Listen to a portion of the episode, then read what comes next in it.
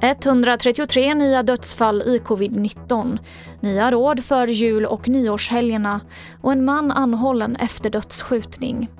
TV4-nyheterna börjar med att 133 nya dödsfall i covid-19 har rapporterats in idag. Därmed har 7200 personer dött i sjukdomen i Sverige. Detta enligt Folkhälsomyndighetens senaste siffror. Idag kom besked om vilka råd som gäller under jul och nyårshelgerna. Regeringen vill att som mest åtta personer samlas och där det är möjligt uppmanar man till sammankomster utomhus. I år kan inte julen bli som vanligt. I år kan vi inte fira med alla som vi vill fira tillsammans med. Därför att coronaviruset tar ingen hänsyn till våra högtider och från flera delar av vårt land så får vi oroande rapporter både vad gäller hur smittan sprids och var den sprids.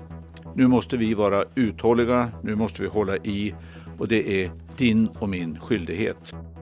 Det sa statsminister Stefan Löfven under en pressträff tidigare idag.